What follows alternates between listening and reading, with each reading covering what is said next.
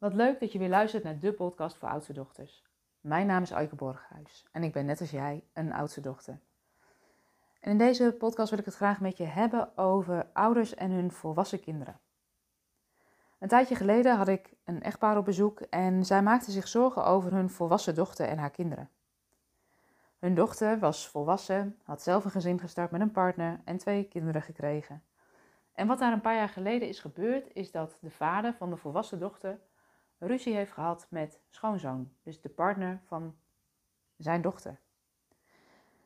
En het lastige met dit soort ruzies is dat het niet alleen effect heeft op de vader in dit geval met zijn schoonzoon, maar dat eigenlijk alle familieleden bijna onderdeel worden van de discussie.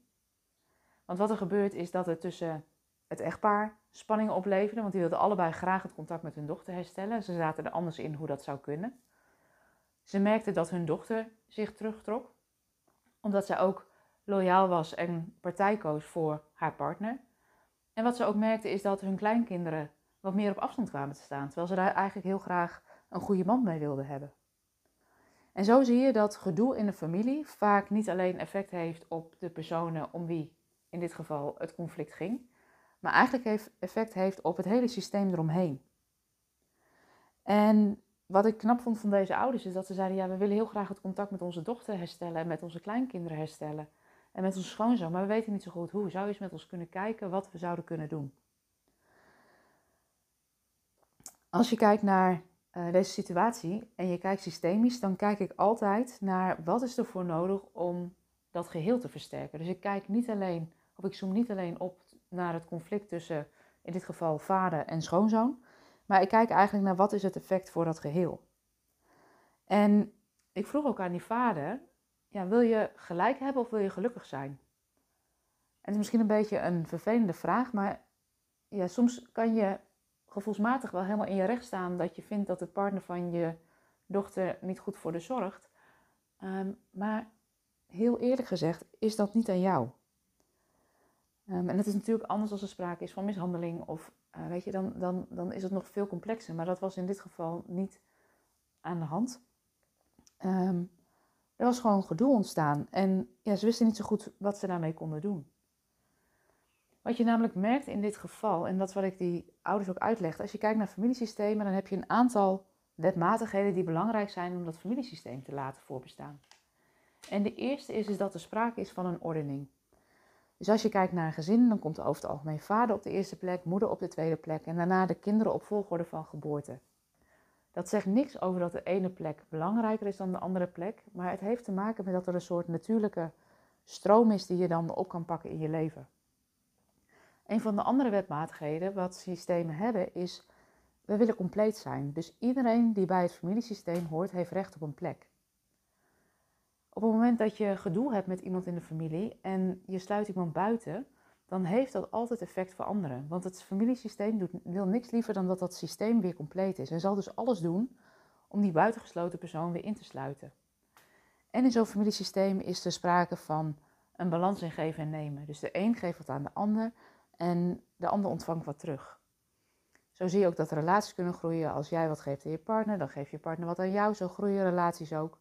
En zo kunnen relaties ook uit elkaar gaan. Als je denkt, ja, maar jij doet dit niet voor mij, nou dan doe ik dat niet voor jou. Zo zie je ook dat relaties ehm, ja, wat, wat minder stevig kunnen worden. Maar wat er ook speelt bij dit soort familiesystemen is dat het nieuwe systeem gaat voor het oude systeem.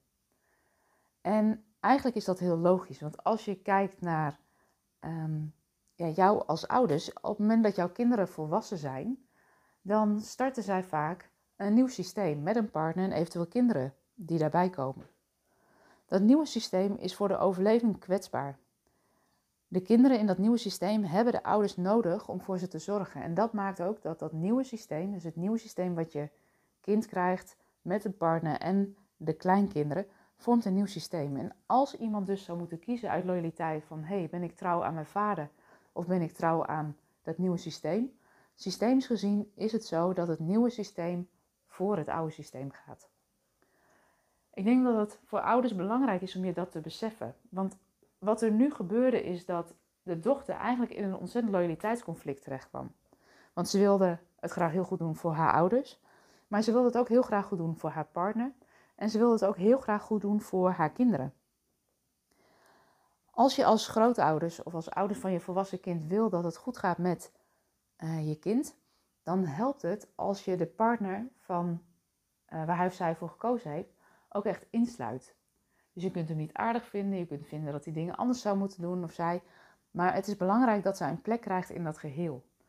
Want op het moment dat zij, hij of zij een plek krijgt in dat geheel, dan hoeft je volwassen kind minder te kiezen. Die hoeft niet te kiezen tussen kies ik voor papa en mama of kies ik voor mijn partner. Dat maakt dat je dochter of volwassen zoon vrijer is om te bewegen. Want wat je namelijk ook ziet, is dat kinderen altijd loyaal zijn aan hun ouders. Dus op het moment dat kinderen voelen dat er spanning is tussen de ouders en opa en oma, dan zullen zij um, automatisch ook toetrekken naar de ouder die minder gezien of gehoord wordt. Ze voelen dat daar wat speelt in de loyaliteit en onbewust en het hele grote liefde voor het systeem zijn kinderen dan vooral heel erg gericht op wat ouders nodig hebben. Dus kinderen zullen ook altijd gericht zijn op wat hebben papa en mama nodig, nog meer dan wat heeft opa of oma nodig. Wat er ook gebeurt tegelijkertijd is als je als grootouders de vader van je kleinkinderen uh, afwijst, dan wijs je daarmee onbewust ook de helft van je kleinkinderen af. En dat voelen kinderen onbewust. In dit geval is het dus soms, ja, je, je kan gelijk hebben dat de partner van jouw volwassen kind niet de partner is die jij graag voor hem of haar had willen zien. Maar je hebt het er als ouders mee te doen. Dus als je wil dat het goed gaat met dat familiesysteem, het belangrijkste wat je kan doen is eigenlijk je schoonzoon of schoondochter die je eigenlijk liever niet erbij zou willen hebben, juist wel insluiten met een open hart. Ik snap dat dat niet makkelijk is, maar hoe meer je in dit geval je schoonzoon een plek kan geven in je hart, hoe vrijer um, je dochter ook zal zijn om de beweging naar jou te maken. En hoe vrijer ook de kleinkinderen zullen zijn om de beweging naar jou toe te maken.